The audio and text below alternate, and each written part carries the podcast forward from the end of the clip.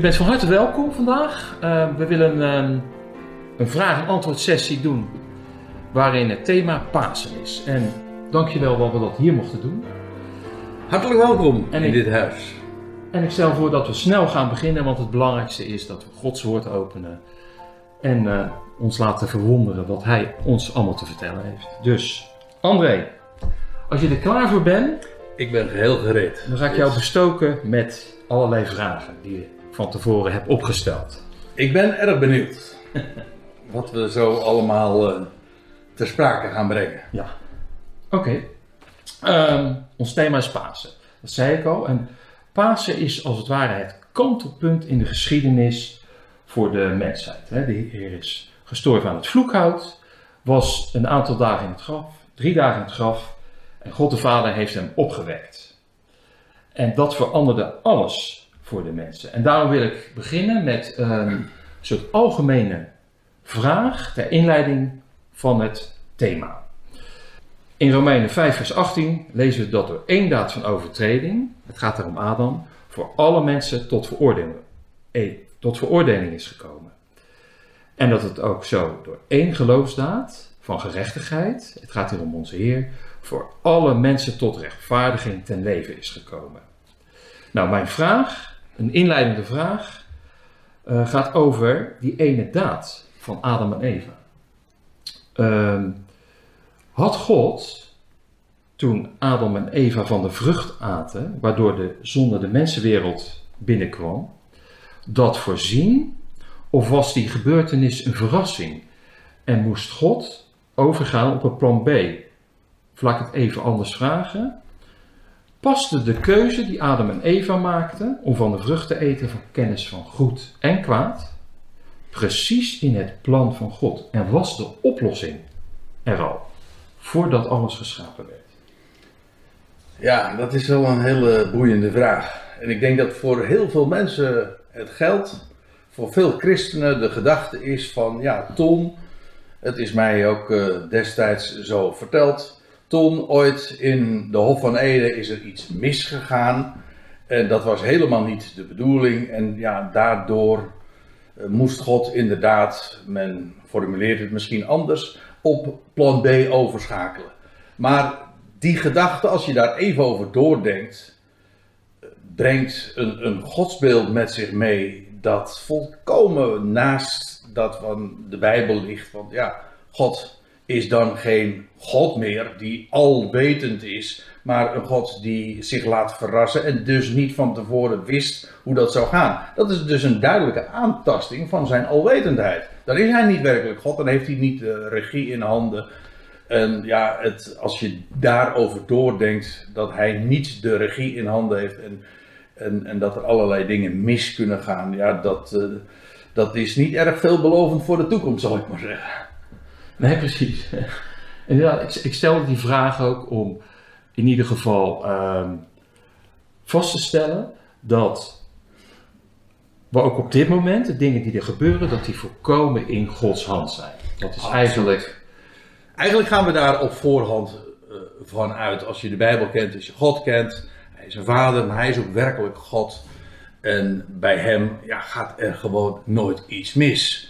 Eh, er zijn zo enorm veel getuigen in de schrift die dat eh, zo naar voren brengen. En ik wil zoveel teksten, zoveel personen die dat allemaal naar voren brengen. En ja, dat is een, een rotsgrond. En als, je, als je dat niet weet, ja, dan zijn we gewoon met recht aan de goden overgeleverd. ja. Ja. Ik wil toch nog heel eventjes bij Adam en Eva blijven, want in Genesis 3, vers 14 lezen we iets heel interessants. Eh, daar lezen we dit. Daarop zeide de Heere God tot de slang, omdat gij dit gedaan hebt, zijt gij vervloekt onder al het vee en onder al het gedierte des velds. Op uw buik zult gij gaan en stof zult gij eten, zolang gij leeft. En dan gaat het me in het bijzonder om dit vers, vers 15. En ik zal vijandschap zetten tussen u en de vrouw, en tussen uw zaad en haar zaad. Dit zal u de kop vermorzelen, en gij zult het de hiel vermorzelen. Klopt het dat direct nadat Adam en Eva gegeten hadden, dat God hier eigenlijk een belofte uitspreekt? En, en kan je dan misschien toelichting geven. Wat, wat betekent die belofte dan? Uh, als je het heel strikt bekijkt, is dit uh, niet zozeer een belofte, want hier wordt niet de mens aangesproken, maar de slang. Men, men noemt deze tekst altijd de moederbelofte, maar dat is meer een theologische aanduiding. Men spreekt ook wel van het proto-evangelie, het eerste evangelie. Uh, dat klopt in zoverre dat de, de overwinning op de slang, want dat is wat hier wordt aangezegd, direct de slang wordt ook aangesproken. De overwinning wordt aangezegd van die slang en dus de nederlaag van de slang. En dat is een belofte voor de mensheid. Dat is waar. Maar in strikt, strikt genomen is dit niet eens zozeer een belofte uh, voor de mens. Maar hier wordt tegen de slang gezegd: je zult het onderspit delven. Jouw kop zal vermorzeld worden. Hoewel de weg daar naartoe er een zal zijn van schijnbare overwinning. Want hij zou de, de hiel van het zaad van de vrouw vermorzelen. En dat betekent dus dat het beloofde zaad, die ene die zou gaan komen. Die ene mens, die zou in feite dus al uh, een aanduiding, een aanwijzing voor de Messias. Die zou komen en die zou uh, diens hiel zou vermorzeld worden. Dat wil zeggen, in zijn weg, in zijn wandel zou hij aangevallen worden, dodelijk, een dodelijk slachtoffer worden. Maar juist door dat dodelijk slachtoffer zou de kop van de slang worden vermorzeld. Dus het idee is, eh, het zaad van de vrouw zou komen, die zou ogenschijnlijk overwonnen worden, maar juist dat zou de fatale slag worden aan de, aan de slang. Ik vind trouwens geweldig hoe, hoe deze belofte, ik noem het dus even, maar eventjes uh, in navolging van wat men altijd zegt, uh, belofte. Maar de, deze aanzegging, dat is misschien wat beter, is, uh, is zo de basis van de hele Bijbelse waarheid, maar ook de verder daarbuiten, ook de hele sterrenwereld getuigt daarvan. dat is fenomenaal hoe dat onder de volkeren, zeg maar, deze aanzegging ook uh, heeft voortgeleefd. En hoe dat in de, in de, aan de sterrenhemel, ook in al die tekens en al die decanen en die sterrenbeelden, hoe dat is. Uh, hoe, hoe, hoe, hoe, God dat ook gedemonstreerd heeft. Want daar zie, je een, daar zie je de vrouw, het zaad van de vrouw. Daar zie je de slang, de slangenhouder, het slachtoffer.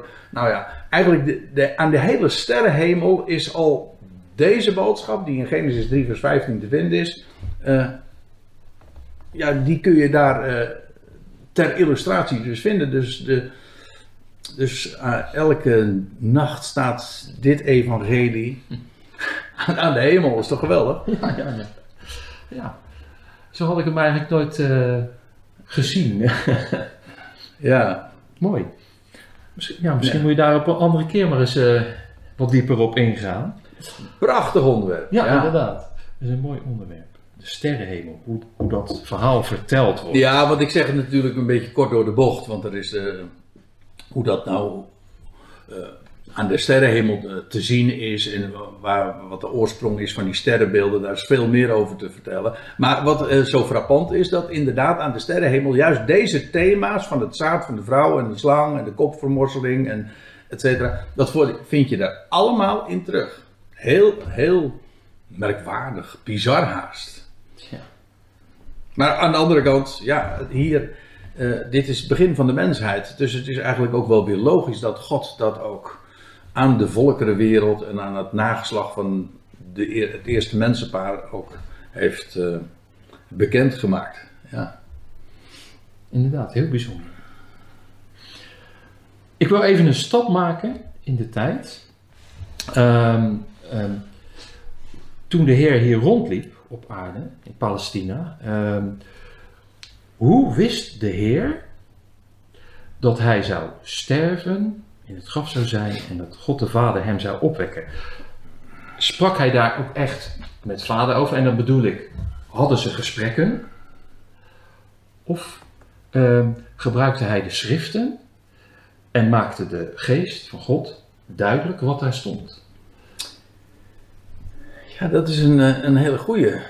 Hoe, uh, hoe Jezus van Nazareth, laten we hem zo uh, noemen, ik bedoel in zijn, zijn aardse verschijning, hij is opgegroeid als jongen en hij groeide op, dat lees je ook, in, en, eh, in, in wijsheid en inzicht. En, en als twaalfjarige jongen was hij al zo intensief bezig met de schriften, dat zelfs de schriftgeleerden daar in Jeruzalem versteld stonden van zijn, van zijn kennis van zaken, maar ook zijn inzicht, de verbanden die hij zag. Toen was hij nog maar een jongen van twaalf jaar. Ja.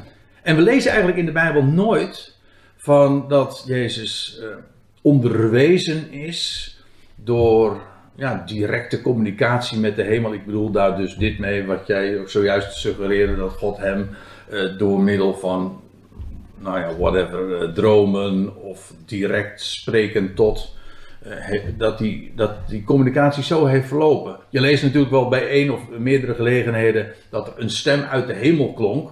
Hè, dus bij, de, bij, zijn, bij Jezus doop en later ook bij de verheerlijking op de berg. Maar voor de rest lezen we dat niet.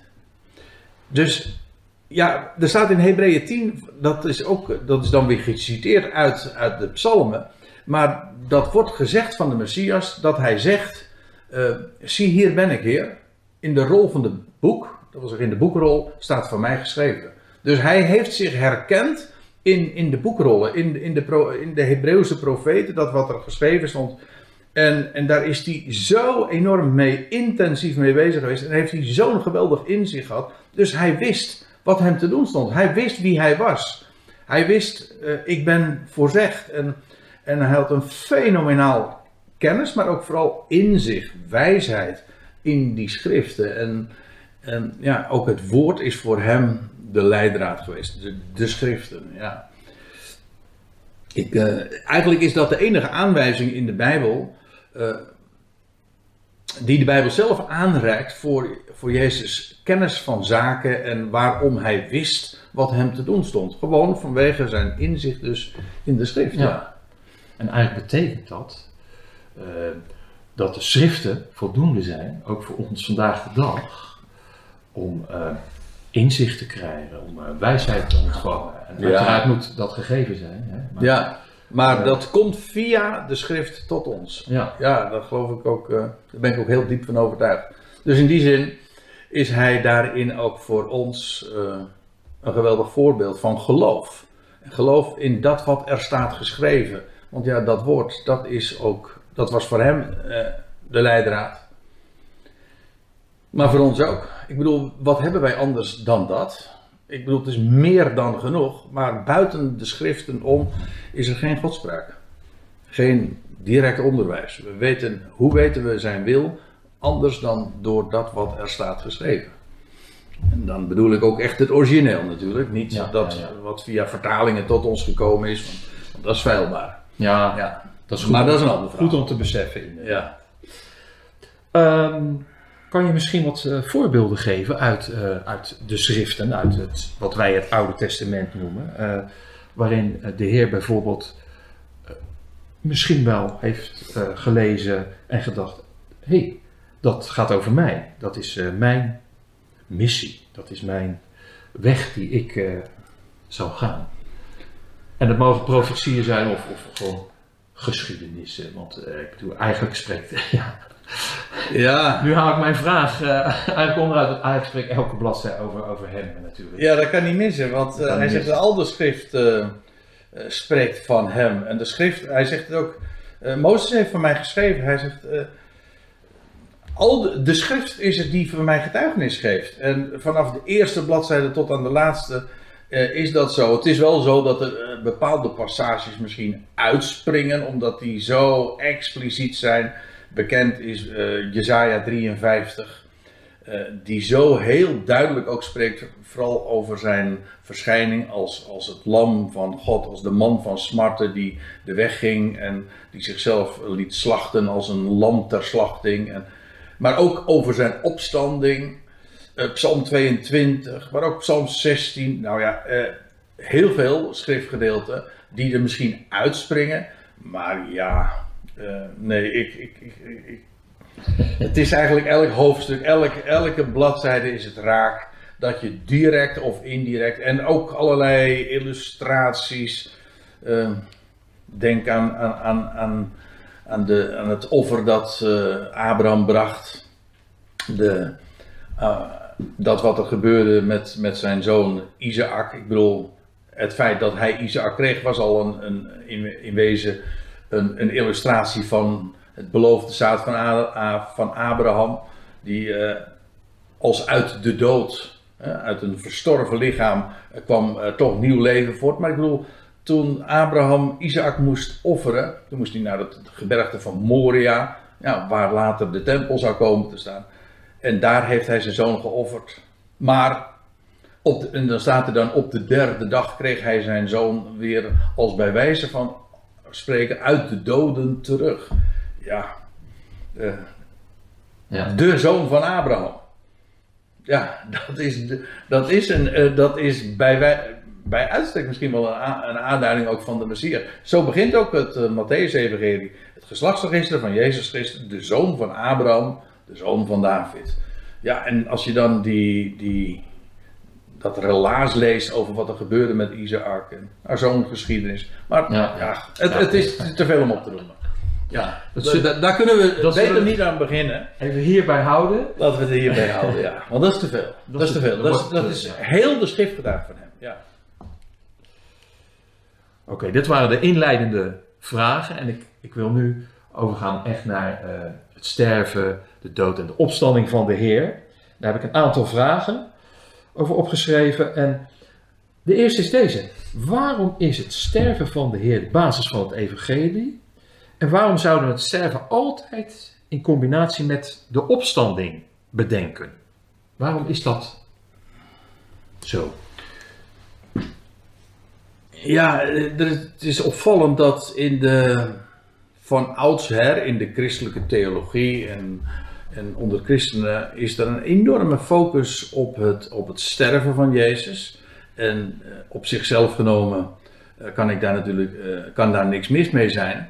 Maar zonder die, de connectie met wat jij zojuist, zojuist al aangaf met de opstanding, ja, dan mis je de clue. Want hij stierf juist om te kunnen opstaan. Hij stierf om de dood te overwinnen. En ja, dat is, uh, dat, dat is de basis. Het is trouwens ook opmerkelijk dat als de Heer Jezus. Uh, we hadden het zojuist over, uh, over dat hij wist wat hem te doen stond. En als je dan ook leest dat hij naar Jeruzalem toe gaat, dan waarschuwt hij al en dan voorzegt hij ook. En iedere keer als hij spreekt over dat hij zou komen te sterven en dat hij de, de overpriesters en dat zijn volksgenoten hem zouden overleveren. Iedere keer als hij spreekt over zijn sterven, doet hij dat altijd ook uh, in combinatie met dat hij ten derde dagen zou opstaan uit de doden.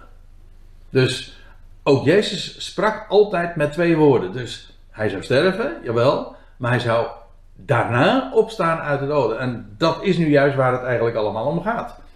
Want ja, zou hij niet opgewekt zijn, ja, dan is, eh, zoals Paulus zegt, uh, dan, is onze, dan is onze prediking zonder inhoud. En zonder inhoud is ook jullie geloof, schrijft hij aan de Corinthiërs.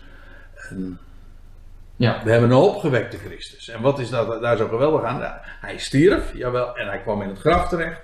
Maar dat was de inleiding. Het ging, het gaat om zijn opstanding. Absoluut. We hebben een levende Heer.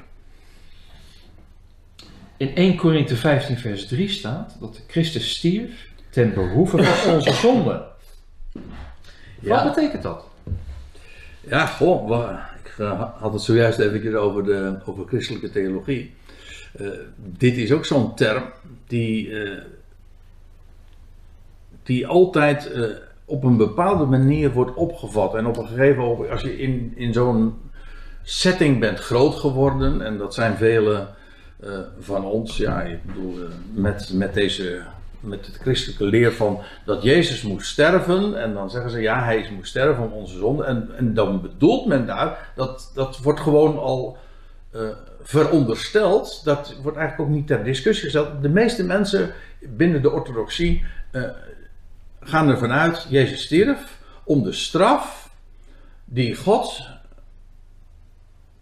uh, had uitgesproken over de zonde, om die straf te dragen. En ja, plaatsvervangend voor ons. Dus Jezus stierf. Waarom? Omdat God rechtvaardig is en hij moest de zonde straffen. En, en hij heeft Gods oordeel daarover gedragen. Maar het gekke is, dat staat er helemaal niet. Hij stierf om onze zonde, maar niet om de straf op onze zonde te dragen. Dat staat nergens in de Bijbel. Hij stierf om onze zonde, om ons van onze zonde te bevrijden. En dat doet hij door nieuw leven aan het licht te brengen. En dan zie je weer, waar we net, wat net al even ter, uh, ter sprake kwam. Hij stierf, ja, waarom? Om op te kunnen staan uit de doden. Maar door op te staan uit de doden bracht hij nieuw leven aan het licht. En dat is een leven dat de zonde achter zich heeft. Dus hij stierf van onze zonde om ons van onze zonde te bevrijden. Raak ik toch nog even een, eh, een vraag stellen uh, die je vaak tegenkomt. En uh, dat is vanuit Jezaja 53. Want daar staat in vers 5. Maar om onze overtredingen werd hij doorboord, om onze ongerechtigheden verbrijzeld. De straf die ons de vrede aanbrengt, was op hem. En door zijn striemen is ons gene genezing geworden. Uh, kan je die tekst dan toelichten in verband met wat je net hebt ja. gezegd? Ja, want dit wordt inderdaad nog wel eens een keer, uh, ik heb het al vaak uh, vernomen, er tegen ingebracht. En op zich is de tegenwerping uh, snijdt hout.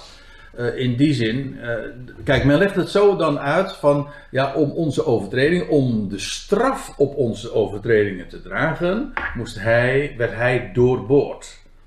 Maar ook dat staat niet, om onze overtredingen werd hij doorboord. Dat wil zeggen, het waren de overtredingen van ons, in dat geval trouwens specifiek Israël, dat is, daar gaat het in Jezaja 53 over. Uh, en het waren de overtredingen van Israël.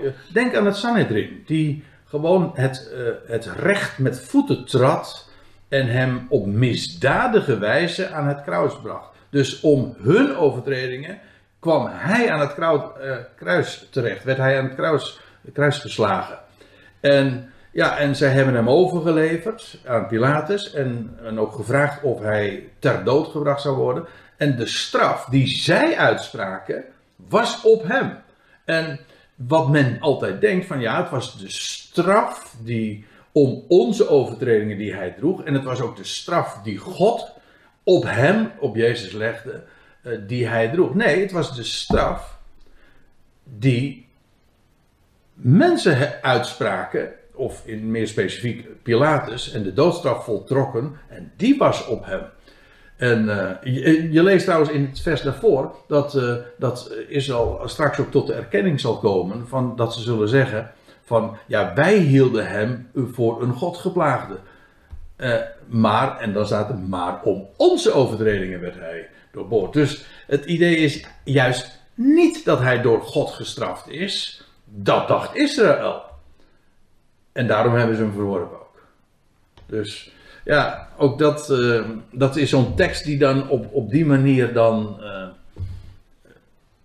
bezien wordt. En men kan eigenlijk ook niet eens meer anders. Maar het is zo gevreemd, zeg maar, dat, dat men het niet anders kan uitleggen, lijkt wel. Dus eigenlijk ja. wat ik mooi vind, is de, de, de context die je nu meegeeft. Uh, lees een aantal versen ervoor. Ja. Uh, dat is meestal dat, zo. Ja, ja nee, dat, dat is duidelijk. Maar waardoor het woordje uh, maar om onze overtredingen dan duidelijk wordt. Ja. Het gaat niet om de mensheid, het gaat om het volk en Ja. degene die, die, Die dat hem hebben aangedaan. die dat hem hebben aangedaan. De, de streamen. Ja. En, ja. Ja. Zeker. Ja, want, want in die zin uh, wordt ook nog een andere tekst vaak benoemd. Dat is 1 Petrus 2 vers 24.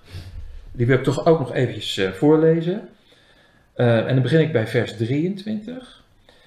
Die, als hij gescholden werd, niet terugschold. En als hij leed, niet dreigde. Maar het overgaf aan hem, die rechtvaardig oordeelt.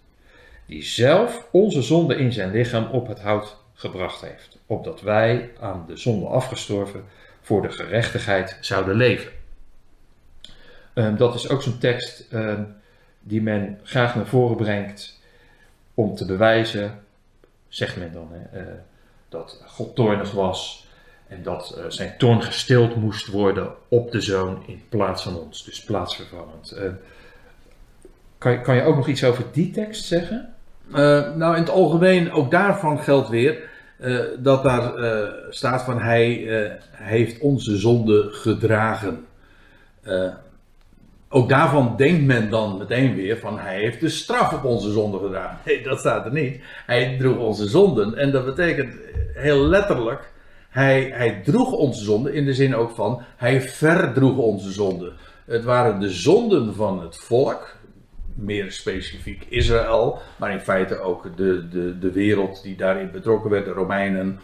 Eh, Die zonden, die droeg hij. Want die brachten hem aan het kruis en die verdroeg hij ook. En dat is dus heel wat anders dan het dragen van de straf van God om onze zonde. Ik bedoel, men denkt er allerlei dingen bij die er gewoon niet staat. En die de, de tekst dan ook eigenlijk alleen maar onduidelijker maken. Want het hele idee van, van, van God die de zonde moest straffen omdat hij anders, geen, eh, anders niet zou kunnen vergeven, dat, eh, dat is totaal niet, niet een bijbelse gedachte. Trouwens, je, God hoeft dan ook niks meer te vergeven. Het idee is altijd van, ja, hij moest eh, straffen, anders kan God niet vergeven. Maar het is zo, als, hij, als, als God genoegdoening, want zo spreekt men daar dan over, als God genoegdoening vond in het feit dat Jezus stierf. En daarmee onze zonden, zeg maar, werden plaatsvervangend werden gestraft. Dan hoeft hij niks meer te vergeven, want dan was er alles voor al voldaan. Vergeving wordt dan ook een heel leeg begrip. Ja. Ja. Het heeft ook alles te maken, denk ik, met het idee van. eh, met de Bijbelse gedachte van, van, eh, van de slachting. Ik weet niet of jij dat eh, nog ter sprake wilde brengen, Wolter. Maar over eh, het, de, offerdienst, het slachten en, een, en, en, en, het offer daarna. Men denkt ook altijd bij het offer van de Heer Jezus aan, aan zijn, zijn sterven. Maar ook dat is niet juist. Zijn offer is dat hij, wa- wat er plaatsvond na de slachting. Ik bedoel, een dier werd geslacht en vervolgens werd het geofferd. De slachting spreekt van de Heer Jezus die geslacht is, precies ook op de dag dat de paascha geslacht werd. En daarna werd hij geofferd, steeg hij op, verrees hij, eh, goden tot een lieflijke reuk. En dat offer, dat spreekt van zijn opstanding. Dus ook daarin zie je weer, de op, dat offer, dat, is, eh, dat spreekt van, van de opstanding. Daar gaat het allemaal op. In feite, de slachting, dat was niet waar het om ging. Dat was noodzakelijk om een dier te offeren. Maar eh, het, is niet, het is niet geen eindpunt en ook niet, zelfs niet het hoogtepunt. Het hoogtepunt is juist dat hij verhoogd werd en zo verrees voor God. Ja, dat, eh, dan krijg je toch een, een compleet ander de- eh, beeld. Dan gaat het ook Ja. dus niet meer Ja. om sterven en dood. Dan gaat het juist over de overwinning op de dood. Kijk, en dat is een evangelie. En daar gaat mijn volgende vraag ook, ook Kijk. over, want eh, we lezen in de schrift, hè, 1 Timotheüs 2 vers 6, dat hij zich gegeven heeft tot een losprijs voor allen. En dat, hè, dat hoor je maar heel weinig in predikaties. Dat Maar- allen bedoel je. Ja, voor allen. Ja, precies. Eh, maar, maar wat is een losprijs? En aan wie werd er dan betaald? Kun je daar iets over zeggen? Ja, het wordt een beetje eentonig. Het lijkt er alsof, alsof wij de, de, de, de theologie aan het bashen zijn. Maar eh, het komt er toch iedere keer weer op neer dat als je bijbelse thema's aansnijdt, dat je er iedere keer aanloopt tegen allerlei eh, zwaar theologische, eh, orthodoxe vooroordelen, die de meeste mensen zeg maar geadopteerd hebben en vanzelfsprekend worden aangenomen. Maar ook, ja, hier zie je ook weer, men denkt van, eh, meestal in termen van schuldbetaling. De mens heeft een schuld, wij konden het niet betalen, Jezus kwam en hij heeft onze schuld betaald. Vind je ook niet in de Bijbel. Het, is, Jezus, het, het wordt wel een betaling genoemd, maar dan een losprijs, maar dat is een totaal ander idee. Een losprijs wordt betaald aan degene die gevangen houdt. Ik bedoel, eh, een, een, bijvoorbeeld, je hebt een slaaf of een gevangene in de gevangenis en die kan worden vrijgekocht. En dan wordt er een losprijs betaald. Iemand die wordt gekidnapt of eh, die is gevangen gehouden. En, maar ook, dat gold ook voor slaven, die konden worden vrijgekocht. En dan werd er een prijs betaald aan degene die vasthield. Wel, bij de mensheid als geheel is vast, zit vast aan en is een slaaf van, een gevangene, een gevangene van zonde en dood. We zijn doelmissers, we zijn stervelingen. En Jezus Christus betaalde de prijs. Hij stierf namelijk. En dat was de prijs om los te kopen. En dan komen we weer bij de opstanding uit. Want wat is nou de loskoping? Dat hij opgewekt werd uit de doden. En zo kon hij leven geven. En dat is onze bevrijding. En zo worden wij ook van onze zonden verlost.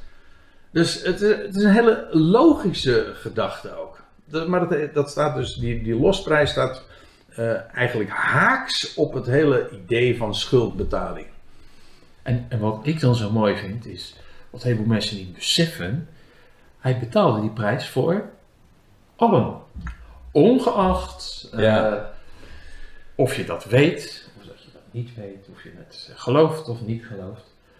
Dus bij wijze van spreken voor onze buurman, buurvrouw, uh, mensen op het werk, iedereen. Die losprijs is betaald. En dat, Ja. vind, dat vind ik zo geweldig. Ja, Dat vind ik, ja dat, is, dat, is, dat is all inclusive. Ja. En dat staat ook tegenover natuurlijk elke eh, religie die denkt in de termen van iets te kunnen verdienen bij God of een plekje in de hemel of zo.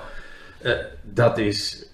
De, ja, God is, eh, heeft de hele schepping, de hele mensheid op het oog. En het is gewoon een, een feit zoals het feit is dat wij allemaal als stervelingen en zondaren ter wereld kwamen. Daar hebben we ook niet voor gekozen.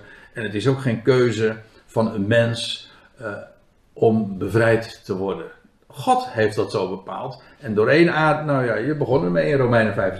Door één daad, alle mensen zondaren, alle mensen stervelingen. Door één daad, alle mensen gerechtvaardigd te leven.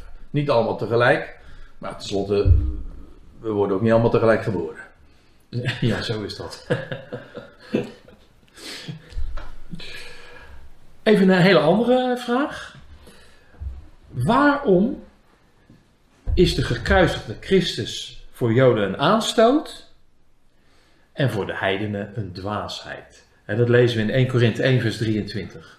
En ik heb er vroeger heb ik er eigenlijk nooit zo bij stilgestaan. Dus ik, ik zou het wel mooi vinden als je daar ook nog iets over kan vertellen. Ja, de gekruisigde Christus. Eh, dat is hij die dus aan het kruis stierf, maar inmiddels die in zwakheid stierf, maar in kracht werd opgewekt. Ja, dat is voor. eh, het is opmerkelijk dat, dat Paulus dat zo formuleert. Voor de, voor de natieën, later zegt hij ook voor Grieken, een dwaasheid. Voor Joden een aanstoot of een volstrik of een aanleiding tot vallen. Eh, je ziet dat eigenlijk ook wel geïllustreerd in de, in de geschiedenis, in het boek Handelingen, waar het evangelie dan via Paulus terecht kwam bij de natieën. Maar ook als hij dan in de synagoge kwam.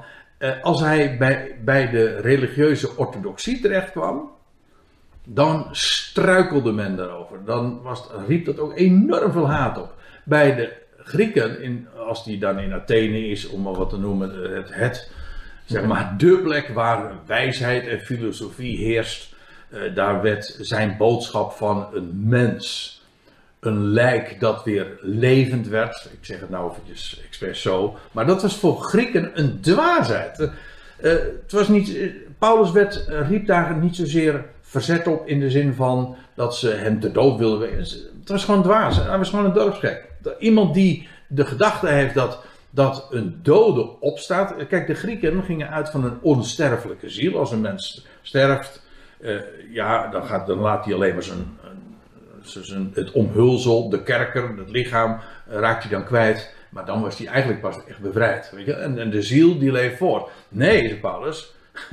eh, een mens sterft en dan is hij een dode. Maar God gaat de doden levend maken. Maar, en dat is inmiddels een, bij één een historisch feit. Maar dat als hij daarmee in, in de wereld mee kwam, bij de natieën, bij de Grieken, ja, was dat dwaasheid. Maar bij de Joden, als die de, de consequenties daarvan vertelden over, ja, één eh, stierf en één werd opgewekt en dat is voor allen. Ja, dat, werd, dat riep zo enorm veel haat op. Want ja, dat staat haaks op waar we het net zo al over hadden. Op, wat, op de mens die wil verdienen. Want er valt niks te verdienen. Ja. God heeft alles al geregeld. Ja, het is gewoon. het en, en de mededeling is. Hij is, de redder, hij, is, hij is de schepper van deze wereld. Hij is de redder van deze wereld. Van alle mensen, van wie er ook. En eh, daar kun je niks aan doen. Daar kun je niks aan, aan, aan afdoen. Eh, het, is een, het is een boodschap die je mag geloven. Maar ook als je niet gelooft, blijft het waar. Juist, ja. ja. En uiteindelijk zal iedereen het Ja, iedereen gaat er aan geloven. Ja. Zeker. Mooi is dat. Dat is nogal, eh, ja, dat is, een enorme luxe als, je, als je in zo'n boodschap staat. Ik bedoel, wij hoeven dit ook niet te verkopen. Wij, dit, is, het, is, het is een feit. Het is geweldig als God je ogen daarvoor opent. eh, en eh, als, je, als het kwartje valt en de consequenties doorzien wordt. En dat, je, ja, dat geeft zo'n enorme vreugde en hoop en uitzicht. Maar ja, eh, en je vertelt, en da- daarom vertel je het ook graag. Het is een geweldig bericht. Maar. Het is eh, ook als. Dat, dat maakt ook heel relaxed. Ik weet ook gewoon van wie dan ook. Als, ook als mensen nu heel erg afwijzig zijn. Ik zeg eigenlijk altijd: mensen geloven het nog niet. Want er komt een moment dat ze het zullen geloven. En dat God hun ook hun ogen opent. Bedoel, als hij mijn ogen kan openen en die van jou. Zou hij dan niet de ogen van die ander kunnen openen? Als hij de ogen van Paulus kon openen. Die er totaal niks van wilde weten. Maar God zegt, of later zegt Paulus tegen, in, in, in, tegen Timotheus in een brief. Zijn genade heeft mij overweldigd. En dan valt er niks meer te kiezen. Dat is Gods, zoals de oude gereformeerden dat vroeger noemden. Gods onwederstandelijke genade. Dat wil zeggen, het is niet te weerstaan. En zo is het maar net. Ja. Dus inderdaad, en dat geeft ja, zo'n vreugde en rust eigenlijk. Ja, ja dat is, eh, dat is een, een feit. En dat is, dat is dus ook iets waar je op kunt staan. Het is een rots. Dat wankelt niet. Heeft dus ook niks te maken met mijn emotie. Als ik het even niet zie, dan is het niet minder waar. Kijk, en daar, eh, dat, is die, dat is die vrede die het eh, Ja. ook geeft. En dat, en dat is ook waarom we het ook aan elkaar vertellen natuurlijk. We bemoedigen elkaar daarmee. Ja, om daarin vastgesteld te worden. Inderdaad, Ja, prachtig. Je had, je had het net over de dood. De Heer was natuurlijk eh, drie dagen en drie nachten in het graf. En eh, we weten vanuit de schrift dat de dood is een terugkeer. De dood wordt beschreven als een slaap. En ehm, we weten in ieder geval dat de dood geen andere vorm van leven is. Hè. Ik, ik noem even een paar teksten. Eh Prediker 9 vers 5. De, do- hè, de doden weten niets. Psalm 6 vers 6. Eh Jezaja 38 vers 18. Enzovoort. Ehm, kan je misschien iets zeggen? Want eh, Petrus, die eh, vertelt in 1 Petrus 3 vers 19 ehm, dit. Ik begin even in vers 18, want ook Christus is eenmaal om de zonde gestorven, als rechtvaardige voor onrechtvaardigen, opdat hij u tot God zou brengen. Hij, die gedood is naar het vlees, maar levend gemaakt naar de geest, in welke hij ook heen gegaan is en gepredikt heeft aan de geest in de gevangenis, die eertijds ongehoorzaam geweest zijn. En dan gaat het over de dagen van Noach. Als ik die tekst zo lees, dan lees ik hem zo. Kijk, hij is levend gemaakt naar de geest. En dat is de verkondiging geweest, onder andere ook naar die geesten in de gevangenis. Eh, klopt het als ik het zo eh, ja ik, eh, mag toelichten? Ja, ik ben het daar eh, volledig mee eens. Ja, of, daar is denk ik heel wat meer nog over te melden. Je komt bij de vraag uit wie zijn die geesten in de gevangenis. Ik denk dat het te ver wordt om, om daar nu wat dieper op in te gaan. Trouwens, het staat er wel bij hoor. Van dat, dat zijn zij die ooit in de dagen van Noach leefden. Ja. En dan gaat het vooral over die, die hemel, die zonen gods die zich vermengden met de dochters van de mensen. En eh, zij zijn omgekomen in de zonvloed. Maar zij, zijn dus, zij wa- wa- waren dus eigenlijk geest. Zij, zij zijn geesten. En ja, Christus is heen gegaan en opgestaan. En als zodanig, de opgewekte, heeft hij in triomf, als de opgewekte, was dat al een verkondiging aan die geesten die daar gevangen zijn. Ja, En, En- net, en dus- dus niet- de sterren een verkondiging zijn hè, Ja. van het, eh, heel het evangelie. ja. ehm, is De hemelen vertellen Gods eer. Ja. Dat is, is dus eh, het, het, het opstaan van de Heer, de Vader wekte hem op. Dat is de verkondiging, daar gaat een verkondiging van uit. Ja. En dus niet eh, wat er dikwijls van eh, gemaakt wordt, dat is dat Jezus stierf. En in die dagen dat hij eh, gestorven was, nog in het graf lag. eh, en dat hij toen in de geest, want dat is eh, wat men eh, er vaak van maakt, dat hij in de geest, dat wil zeggen voor zijn opstanding, al zou heen gegaan zijn en er eh, verkondigd zou hebben aan die Ja. geest in de gevangenis. Dat staat er niet en het is ja, uiteindelijk dus gewoon ontsproten aan, aan de dikke duim. Maar dat kon alleen maar zo gebeuren doordat men geen zicht heeft, als ik het zo arrogant mag zeggen, op wat dood is. Want men gaat er altijd vanuit. Maar ik had het zojuist over die, over die dwaasheid van de Grieken. Die, eh, die menen dat de ziel onsterfelijk is. In feite is dat natuurlijk een gedachtegang die algemeen in religieuze kringen leeft. Een mens sterft niet echt, dood wordt ontkend.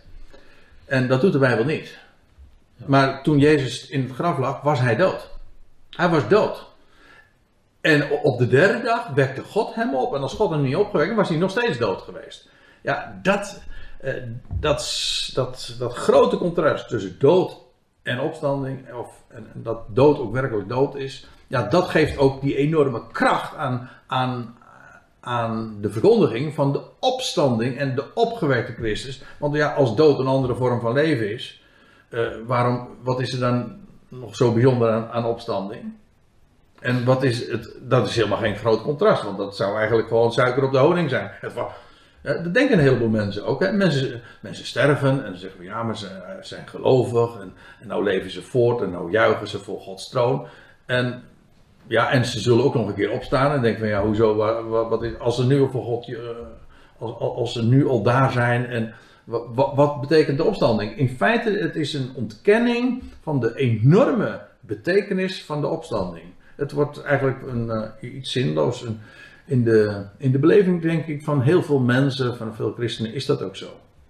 Betekent opstanding eigenlijk niks bijzonders, omdat men dat idee heeft van een onsterfelijke ziel.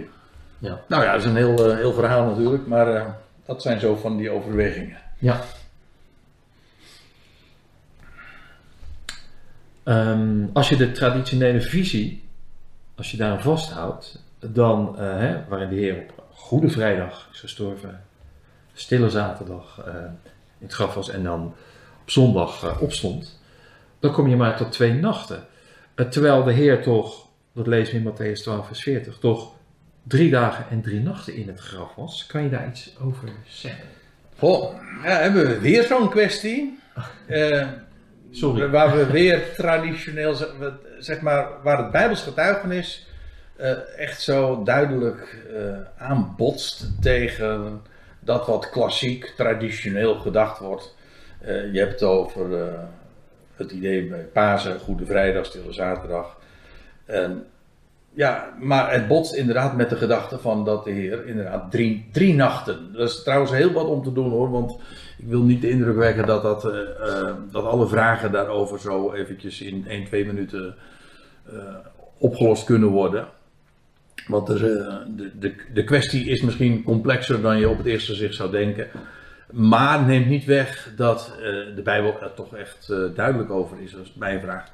Dat de Heer drie nachten, ook naar eigen zeggen, eh, in het graf heeft, eh, verbleven, eh, heeft vertoefd. En ja, hij werd op de, op de dag van Pascha geslacht. Ook dat is trouwens omstreden wat ik nu zeg.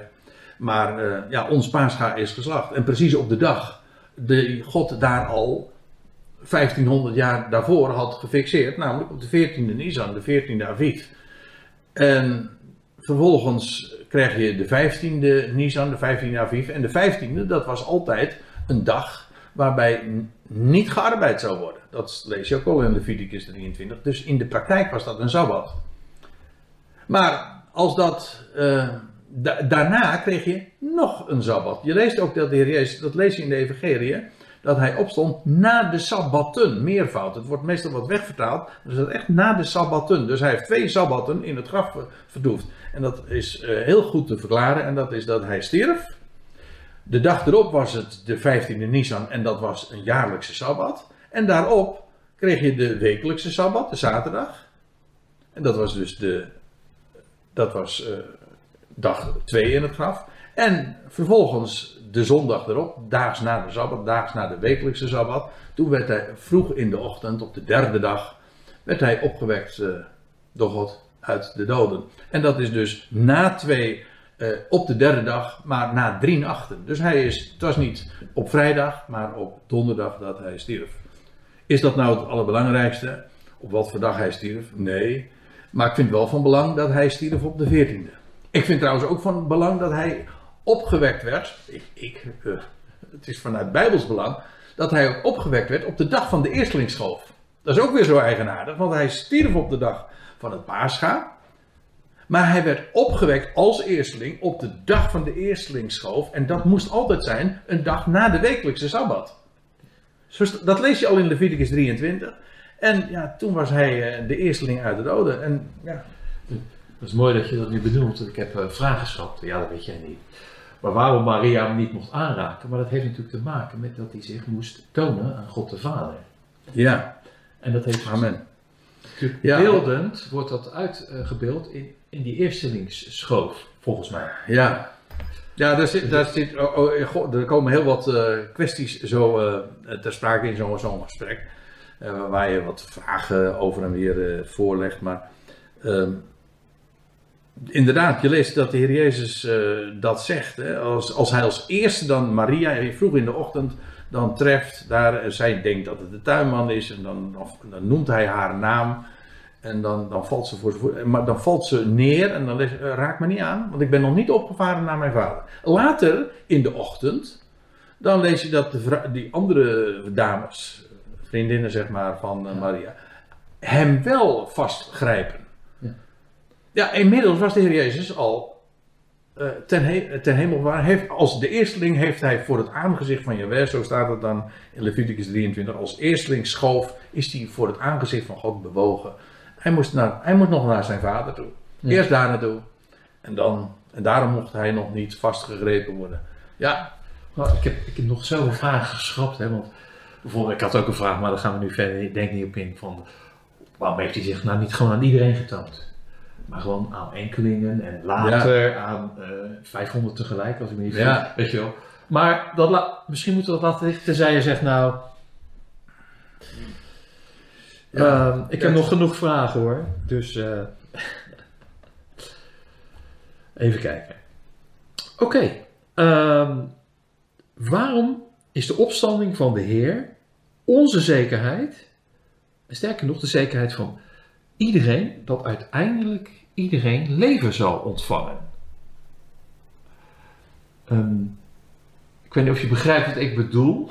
uh, nou, ik zit even te denken wat jij. Uh wat je daarmee beoogt. Ik, ja, in het algemeen. Het heeft, ja, de, de, de, de gedachten vermenigvuldigen zich wanneer ik eh, wanneer je alleen al denkt aan het gegeven. Ja, waarom moest hij sterven? Ja, het, het kwam al, eigenlijk via, via verschillende aanvliegroutes kwam het al zo in dit gesprek aan de orde. Maar hij stierf om te kunnen opstaan uit de doden. En waarom moest hij opstaan uit de doden? Nou, om de, hij, hij, was de eersteling. En de eersteling is de garantie. De rest zou nog volgen. Daar ging het mij om. Ja, ja de rest zou volgen. En, nou ja, en dan komen we weer terug uh, op Adam. Nu dan niet via Romeinen 5, maar 1 Korinthe 15. Zoals in Adam alle sterven. Zo zullen in Christus allen worden levend gemaakt. En er staat maar ieder in zijn eigen rang. De Christus als eersteling, ook op de dag van de eerstelingschoof, eh, werd hij opgewekt. En de rest volgt ook. En de volgende, uh, de volgende rangorde, de volgende afdeling is die van Christus zijn in zijn parousia. Dat, dat is de toekomst. Dus er is nu nog maar één die onsterfelijkheid heeft en dat is Christus. Hij is opgewekt uit de doden. En, en, en de volgende, neem me niet kwalijk. De volgende afdeling is uh, die van Christus zijn. En uiteindelijk uh, alle mensen moeten worden levend gemaakt. Maar uiteindelijk doet hij de dood teniet. Ja, hoe doet hij dat? Door allen levend te maken. Dat vind ik zo geweldig. Hij, uh, de, het teniet doen van de dood, dat is een positieve daad. Je zou zeggen van niet. Hè? Het teniet doen van de dood. Je zou zeggen, de dood doet teniet. Ja, En nou doet hij de dood niet. En dat betekent, eh, twee keer negatief is positief, in dit geval ook. Want hij, allen die dan nog dood zijn, hè, dat is, eh, je leest het in 1 Corinthië 5, hij moet heersen totdat. En, en, en de laatste vijand die hij dan teniet doet, dat is de dood. Dus aan het einde van zijn, Christ, zijn heerschappij zal hij alle levend maken. En als allen levend gemaakt zijn, ja, dan is er geen dood meer. En dat is ook het einde van zijn heerschappij. En dan lees je ook dat hij, als, dan is zijn missie echt vervuld. En dan zal hij ook een, een volmaakt koninkrijk overdragen aan zijn God en Vader. En ja, en dan wordt God alles in allen. En dan ontbreekt er niemand meer. Want dan zijn allen levend gemaakt. En dan is ook alles rechtgezet wat er nog rechtgezet moest worden. En dat is volmaakt. En ja, dan breekt er echt een hele nieuwe uh, fase aan, als ik het zo mag zeggen. Want dan wordt God alles in allen. Je hebt eigenlijk hiermee mijn vraag beantwoord die ik nog had staan. Uh, wat betekent het dat de dood verzwolgen is in de overwinning? Nou, dit 1 Korinthe lijkt mij 54. Ja. Dus uh, zonder dat je het wist, heb je nu al antwoord gegeven. Ja, dus met, dat is met recht dus verzwolgen in de overwinning. Hoe Ja. wordt de dood teniet gedaan? Nou, doordat ze verzwolgen wordt in de overwinning.